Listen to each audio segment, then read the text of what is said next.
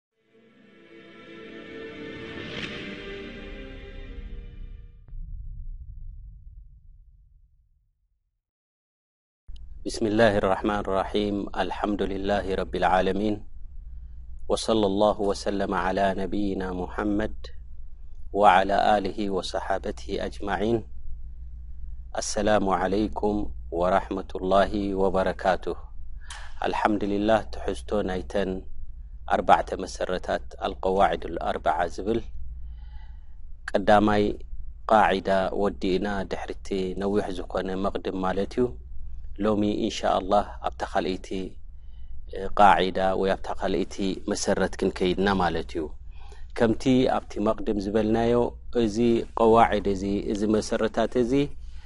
ዓብዩ መለለዪ ናይ ኣስላማይን ዘየስላማይን ዝኾነ ወይ እቶም ሽርኪ ዝወደቑ ሰባት ኣብ ሽርኪ ወዲቖም ከሓድቲ ተባሂሎም ብሓዊ ጀሃነም እውን ዝተበሰሩ ነስኣሉ ላህ ኣሰላመተ ወልዓፍያ እንታይ ምዃኑ እቲ ምኽንያታት ግልፂ ገይሩ እዩ ዘብርሃልካ ማለት እዩ እታ ቃዒዳ ኣታንያ ወይ ድማ እንተ ካልኣይቲ መሰረት እንታይ ኢሉ ኣነሁም የቁሉነ ማ ደዓውናሁም ወተወጃህና ኢለይህም ኢላ ሊጠለቢ ልቁርባ ወሸፋዓ እዞም ነምልኾም ዘለና ከም ኣማልኽቲ ጌርና ሒዝናዮም ዘለና ስኒ ንፅውዖም ዘለና ንልምኖም ዘለና ምእንትን ናብ ረቢ ስብሓን ወተዓላ ከቀራርቡናን ሸፋዓ ክኾኑና ዋሓስ ክኾኑና ደኣ ኢልና እምበሪ እዚኣቶምሲ ንኻሊእ ኣይኮናን ነምልኾም ዘለና ይብሉ ነይሮም ከምኡ ይብሉኒ ከም ዝነበሩ ቁርባ ዘሊና ኢና ከቀራርቡና እምበር ደሊና ኢና ይብሉ ከም ዝነበሩ ድማ እቲ ሞኣልፍ ጠብዓን ኩላ ግዜ ክዛረብ እንከሎ ወይ ዝኾነ ኣርእስቲ ከቕርብ እንከሎ ወይ ካብ ቁርን ልከሪም ወይ ካብ ሓዲት ኣሰሒሓ ናይ ነቢይና ሙሓመድ ዓለ ሰላት ወሰላም እዩ ዘቕርብ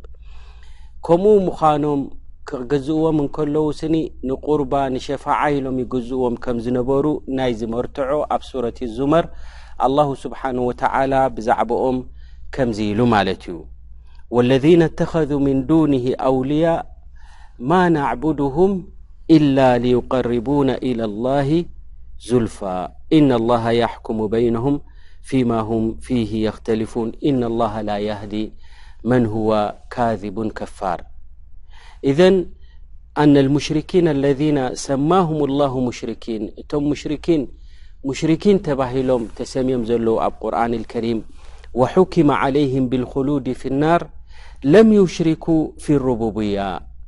ኣብቲ ዋንነት ናይ ረቢ ሰማያትን መሬትን መን እዩ ዝፈጥር እንተ ኢልካ ምስኒ ረቢ ኢሎም ፈልጡ ነይሮም እዞም ዘምልኽዎም ዘለዉ እዞም ዝግዝእዎም ዘለዉ ሲ ይፈጥሩ እዮም ኣይብሉን እዮም ነይሮም ለም ይሽሪኩ ፊ ሩቡብያ ወኢነማ ኣሽረኩ ፊ ልኡሉህያ እንታይ እያ ደኣ እታ ዓባይ ጸገሞም ዝነበረት ኣብ ኡሉህያ ዒባዳ ክገብሩ ከለዉ ካልኦት ኣማልኽቲ ሒዞም ዒባዳ ይገብሩ ነይሮም ማለት እዮም ከማ ሰበቅ ፊ ቃዒደት ልኡላ ከምቲ ኣብቲ ቀዳማይ መሰረት ዝገለፅናዮ ማለት እዩ ኢስባት ኣና ላሃ ተላ ሁወ ልካልቅ ሃذ ኣምሩ ሙጅማዑ ዓለይህ በይነ ልእመም ኣላህ ስብሓን ወተላ ካልቅ ምዃኑ ሰማያት ዝፈጠረ መሬት ዝፈጠረ ረቢ ምዃኑ ሲ ኩላቶም ይፈልጡ እዮም ነይሮም ማለት እዮም በል ረቢ የለን ዝብል ሓደ ክልተ ሽዋዝ ሚን ኣልኸልቅ ተዘይኮይኖም ኩሉ ያዕተርፍ እዩ ነይሩ ማለት እዩ ጥብዓን ነዚ ዝኸውን ኣዲላ ካብ ሱረት ኣልሙእሚኑን ኣብ መጨረሻ ዘሎ ከምኡ ድማ ኣብ ሱረት ዩኑስ ብዙሕ ጠቒስና ኢና ማለት እዩ ንምሳሌ ካብ ሱረት ልሙእሚኑን ካብቲ ዝጠቐስናዮ ቁል ኣላሁ ስብሓን ወተዓላ ንረሱል ዓለ ሰላት ወሰላም ከምዚ ዝከበሎም ተባሂሎም ቁል ሊመን ልኣርድ ወመን ፊሃ እንኩንቱም ተዕለሙን መሬትን ኣብኣ ዝርከብን ናይ መን እዩ ኢልካ ስክሐተቶም ሰየቁሉና ሊላህ ሊላህ ናይ ረቢ እዩ ክብሉካ እዮም ሹፍ ሕጂ ኣላ ስብሓን ወተዓላ ካልቕ ምዃኑ ሲ ይጠፍኦም ኣይነበረን ማለት እዩ በል ቁል ኣፈላ ተዘከሩን ምስ በለ ብድሕሪኣ ዘላ ኣያ መበል 86ዱሽተ ኣያ ቁል መን ረቡ ሰማዋት ሰብዕ እዚ ሸውዓተ ሰማያት ዋንኡ ጎይትኡ መን ኢልካ ስክሕተቶም ወረቡ ዓርሽ ዓዚም ዓርሽ እቲ ዝዓበየ መክሉቅ እዩ እቲ ዓርሽኸ ዋንኡ ኸላቒ ናቱኸ መን ኢልካ እሞ ሕተቶም ሰየቁሉና ሊላህ ቁል ኣፈላ ተተቁን ናይ ረቢ እዩ ክብሉካ እዮም ኩሉ መክሉቃት ናይ ረቢ እዩ ይብሉ ነይሮም ማለት እዩ እምበኣር እንታይ እትፀገሞም እንተ ደኣ ኢልና ረቢ ስብሓን ወተዓላ ካልቕ ምዃኑ እዚ ኮነ እንትፀገሞም ማለት እዩ ኣብ ዕባዳ ክገብሩ ከለዉ እዮም ሽርኪ ዝገብሩ ነይሮም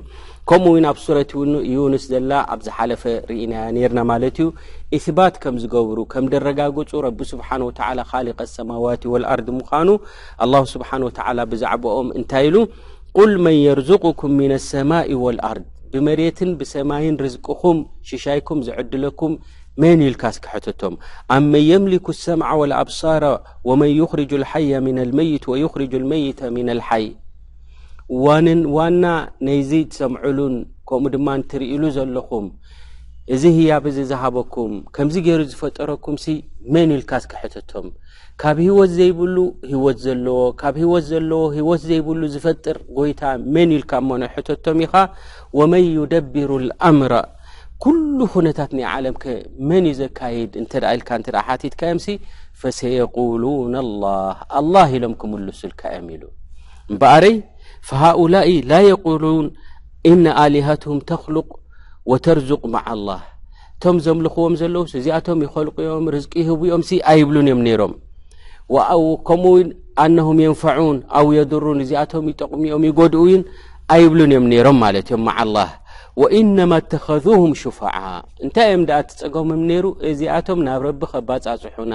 ውሕስነት ክኾኑና ሸፋዓ ክኾኑና እዮም ዝብሉ ነይሮም ሃذ ሂየ ልቃዒደ ታንያ እምበኣር እታ ሕጂ ንሪኣ ዘለና እዚኣ ማለት እዩ ማለት ንምንታይ ደኣ ተምልኹ ኣለኹም ንረቢ ገዲፍኩም ካልኦት እንትደኣልካዮም ንሕና ኮዞም ነምልኾም ዘለና ኣይጠቕሙን እዮም ኣይጎድኡን እዮም ኩሉ ዋንነት ኮ ናይ ረቢ እዩ ተኾነ ግን እዚኣቶም ናብ ረቢ ንኸባፃፅሑና ሸፈዓ ንክኾኑና ከቕርቡና ኢልና ኢና ብኦም ጌርና ኢና ንበፅሕ ዘለና ይብሉ ነይሮም ወኣናሃ ምን ሑጀጅ ኣው ሑጃ ወሹብሃ ለذና ኣሽረኩ እቶም ሽርክ ዝገበሩ እምበኣር እታ ምክንያት ዘቕርብዋ ዝነበሩ እዚኣ እያ ነራ ማለት እዩ ከማ ቃል ላሁ ተላ ዓንሁም ወያዕቡዱነ ምን ዱን ላህ ማ ላ የضርሁም ወላ የንፋዕሁም ወየቁሉነ ሃኡላ ሽፋዓኡና ዕንዳ ላህ እዚ ኣብ ሱረት ዩኑስ መበል 18 ኣያ ኣላ ማለት እዩ ንደይ ረቢ ንካልኦት የምልኹን ይግዝኡን እሞኒ እሞ ክጠቕሞምን ክገድዎምን ከምዘይክእሉ እውን እናፈለጡ እንከለዉ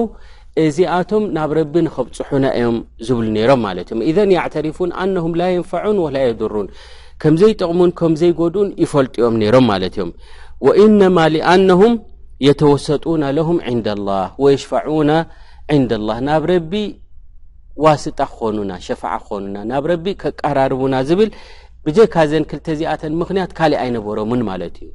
ሕጂ እውን ኣብዚ ግዜና እዚ ዝርከብ ዘሎ ድማ ከምኡ ዓይነት እዩ መዓኑ ላኢላ ኢለ ላ ኢሎም ከብቅዑ እንተኾነ ግን ኣብ ዝኾነ ይኹን ደሪሕ ወይ ኣብ ዝኾነ ይኹን መቃብር ከይዶም ክልምንዎም ተሸፍዑና ክብልዎም ትርኢ ማለት እዩ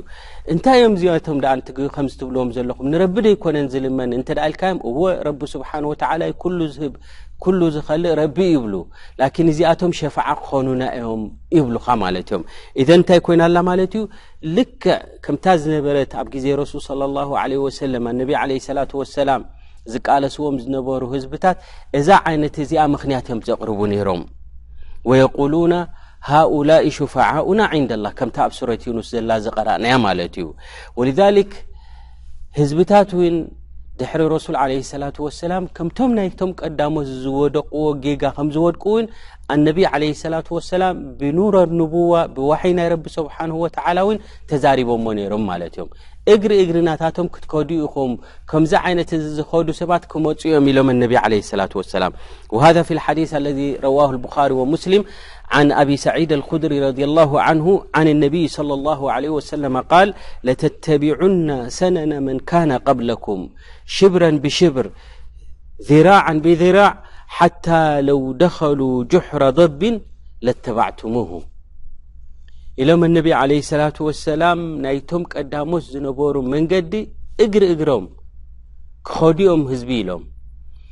ስድር ብስድር እመት ብእመት ደድሕሪኦም ክኸዱ እዮም ሓታ ኣብ ዘይከውን ኣብ ዘይጠቅም ውን እንተኣተዉ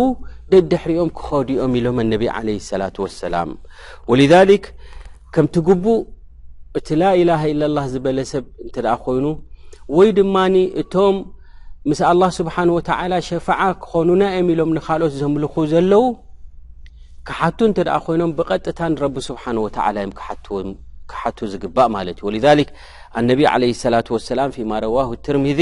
እንታይ ኢሎም ኢዛ ሰኣልተ ፈስኣሊ ላህ ኢሎም ክትሓትት ተኮንካ ንረቢ ሕተት ሓገዝ ተደሊኻ ካብ ረቢ ተሓገዝ ኢሎም ወልዛሊክ ወሸፋዓ እዛ ሸፋዓ ኢሎም ኩላ ግዜ ዝደጋግምዋ ዘለዉ ፊሃ ሓቁን ወባጥል ሓቂ ዳሓዘ ዘረባን ከምኡ ድማ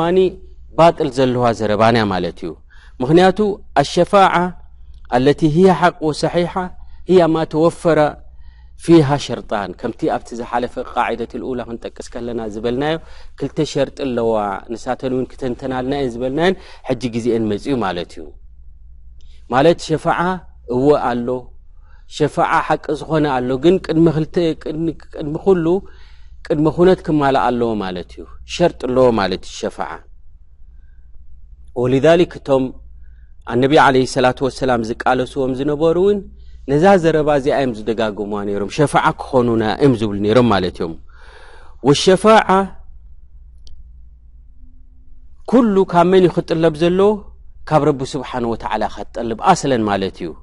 እንተኾነ ግን እቶም ኣብ ግዜ ረሱል صለ ላሁ ለ ወሰለም ዝነበሩ ሸፋዓ እዮም ክኾኑና ኢሎም ንካልኦት ኣማልኽቲ ዝሕዙ ዝነበሩ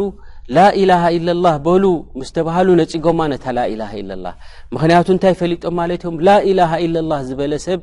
ኩሉ ሸፋዓ ይኹን ወይ ቁርባ ክኾነኒ ኢልካ ናብ ካሊእ ከምደይትኸይድ ፈልጡ ነይሮም ማለት እዮም ብኸምኡ ድማ ንረሱል ዓለይሂ ሰላቱ ወሰላም ተጻቢኦሞም በለ ነቢ ዓለይሂ ሰላቱ ወሰላም ድማ ተቓሊሶሞም ማለት እዮም ወሊዛሊክ ላኢላሃ ኢለላህ በሉ ምስ ተባሃሉ እንታይ ኢሎም ኣጃዓለ ልኣሊሃታ ኢላሃን ዋሒዳ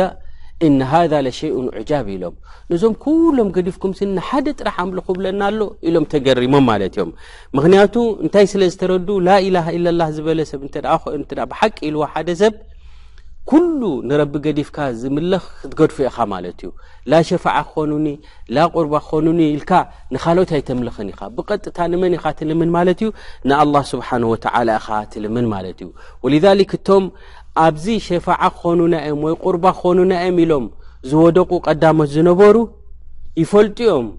እዞም ዕባዳ ዝገብርሎም ዘለዉ ኣሳለተን ላ ይዕበዱን ንሳቶም ቀንዲ ድዕበዱ ኣይኮኑ እቲ ቀንዲ እዚ ዒባዳ ዝግብኦ ኣላ ስብሓን ወተዓላ ምዃኑ ይፈልጡ እዮም ነይሮም ማለት እዮም ላኪን እንታይ እታ ተደናግሮም ዘላ ማለት እዩ እታ ሸፋዓ ትበሃል ከምኡ ድማ እታ ቁርባ ትበሃል ማለት እዩ ሸፋዓ ትበሃል ሰሚዖማ ኣለው ላኪን እታ ከመይ ኣታ ግቡኣ ወይ ተሓቂ ካየ ደኣ ስለ ዘይተረድኡ ማለት እዩ እዘን ካብቲ ሽብሃ ዘቕርብዎ ዝነበሩ ወይን ሓደ እንታይ እዩ ማለት እዩ ኣራዱ ኣን ዩዓዚሙ ላህ ሸፋዓ ክብሉ ከለዉ ውን ብሓደ ሸነኽ ድማ እንታይ ይብሉኻ ንረቢ ክብረት ከም ዝገበሩ ኮይኑ እዩ ዝመስሎም ማለት እዩ ንምንታይ እንተ ኢልካዮም ምክንያቱ ሓደ ሰብ ውን እኮ ናብ ሓደ ዝኾነ ነገር ክበፅሕ እንተ ደልዩ ብቐጥታ ኣይበፅሕን እዩ እንታይ ደኣ መንጎኛታት ኣለዉ ብትሕቲኡ ኣለዉ ንዓቶም ተዛሪቡ ቀስ ኢሉ እዩ ዝበፅሕ ፍሚንባብ ኣውላ ድማ ንሕና ድማ ናብ ረቢ ክንበፅሕ ከለና ከምዚ ዓይነት እዚ ጌርና ኢና ክንበፅሕ ዘለና ዝብል ጉጉይ ዝኾነ ምስ ረቢ ስብሓን ወተዓላ ዘይግባእ ኣዘራርባ ይዛረቡ ማለት እዮም ምክንያቱ ቃሱ ረብ ጀላ ወዓላ ዓለ ልመክሉቅ ናይ ረቢ ስብሓን ወተዓላ ምልክን ንግስነትን ኸልቂ ናይ ረቢ ስብሓን ወተዓላ ክእለትን ምዝ ናይዚ ድኹም ፍጡር ምዝ ናይዚ ሓደ ንጉስ እዩ ዝብልዎ ዘለዉ ወይ ሓደ ሓላፊ እዩ ዝብልዎ ዘለዉ ምስኡ የወዳድርዎ ስለ ዘለዉ ማለት እዮም ወልዛሊክ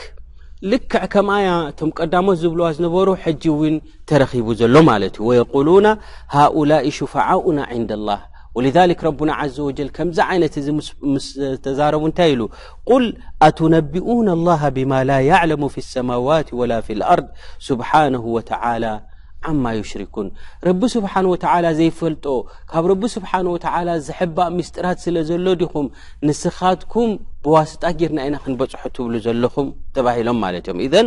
ቃሱ ረብ ጀላ ወዓላ ዓለ መክሉቅ ንረቢ ስብሓን ወተላ ካሊቀ ሰማዋት ወልኣርድ በዚ መክሉቅ ዳዒፍ እዚ ሚዛን ክትህቦ ከለኻ እዚ ዓብዪ ጌጋ እዩ ማለት እዩ ረቡና ዘ ወጀል ኣብ ሱረት ነምል መበል ሰብዓን ኣርባዕተን ኣያ እንታይ ኢሉ ፈላ ተድሪቡ ልላህ ኣምል ኢና ላሃ ያዕለሙ ወኣንቱም ላ ተዕለሙን ከመይ ጌርካ ኻ ምስ ናይ ፍጡራት ምሳሌ ጌርካ ምስ ንረቢ ስብሓን ወተዓላ ቕያስ ትወስድ ደለኻ ማለት እዩ ሃذ ልከላም ፊህ ክጡራ እዚ ዘራርባ እዚ ንገዛ ርእሱ ዓብዪ ዝኾነ ክሕደት ዝሓዘ እዩ ማለት እዩ በል ነቲ ዝገብርዎ ዘለዉ ጌጋ ዝወደቕዎ ንዕኡ ከም መሸፈኒ ኢሎም ተጠቂሞማ እሞኒ ላኪን እንተ ብሓደ ወገን ብሸፋዓ ኢሎም እተ ወይ ድማ ብናይ ንጉስ ብናይ ሓደ ሓላፊ ኢሎም እተ ምሳሌ ይህቡ ኣለዉ እተ ኮይኖም ናይ ብሓቂ ኣብ ጌጋ እዮም ዘለዉ ማለት እዮም ምክንያቱ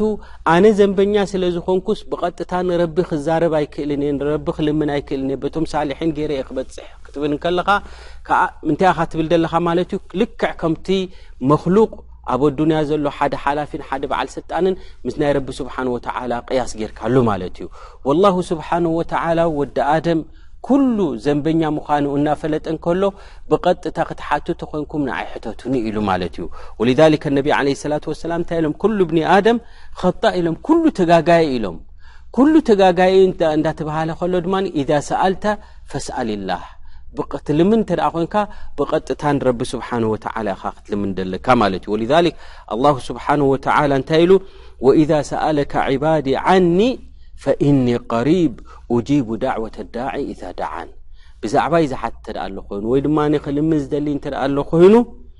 ብቐጥታ ንዓይ ይለምን ኢሉ ረቢ ስብሓን ፈኢኒ ቀሪብ ኣነ ቀረባ እየ ዘለኹ ዝለመንኩሞ ዝሰምዕ ትዛረብዎ ኩሉ ምስጢርኩምን ከምኡ ድማ ኣብ ልብኹም ተሓስብዎን ኩሉ ኣነ ዝፈልጥ የብለካ ኣሎ ወሊዛሊክ ንምንታይ ኢኻ እንታይ እዩ ኣድልካ ደሎ ናብ ሸፋዓ ክትከይድ ማለት እዩ ምሽ ዶ ኣላ ስብሓን ወተላ ንሓደ ላኢላሃ ኢለላ ዝበለ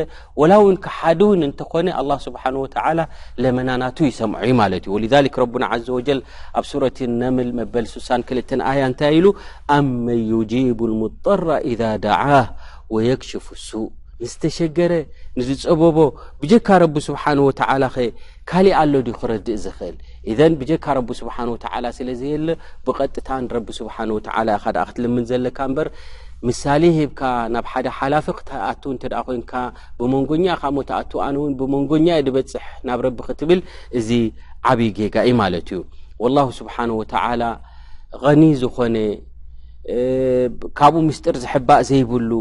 ምዚ ድኹም ዝኾነ ፍጡር ከመይ ጌርካ ካ ክትወዳድሮ ማለት እዩ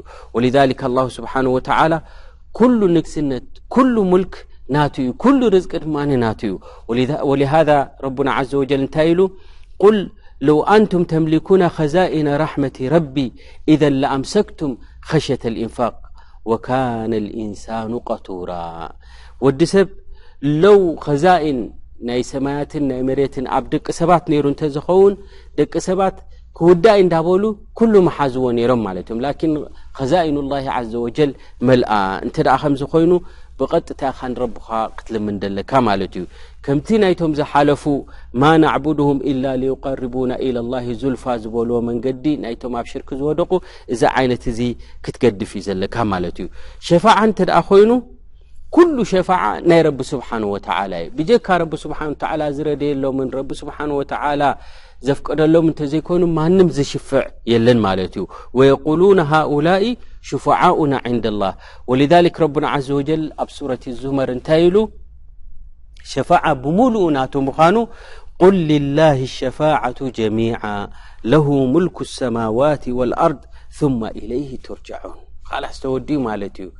ኩሉ ሸፋዓ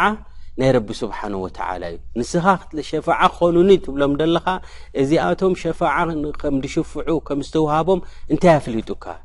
ኢዘን ካብ መን ኢኻ ክትልምኖ ዘለካ ማለት እዩ ካብቲ ወናኒ ዝኾነ ጎይታ ስብሓን ወተላ ቁል ልላ ሸፋዕቱ ጀሚዓ ለሁ ሙልኩ ሰማዋት ወልኣርድ ثመ ኢለይህ ቱርጃዑን ኢዘን እምበኣረይ እቲ ሸፋዓ ዝበሃል ዘሎ ሸፋዓ ሓቂ ዝኾነ ኣሎ ሸፋዓ ድማ ባጥል ኣሎ ማለት እዩ እዘን እቲ ዝብልዎ ዘለዉ እዚኣቶም ሸፋዓ ክኾኑና እዚኣቶም ከቀራርቡና እዮም ዝብልዎ ዘለዉ ንሱ እቲ ሸፋዓ ባጥል እዩ እቲ ሸፋዓ ካብ መን እዩ ክልመን ዘለዎ እተ ተባሂሉ ካብ ረቢ ስብሓን ወተላ እዩ እሞ እቲ ሸፋዓ እንታይ እዩ እቲ ሓቂ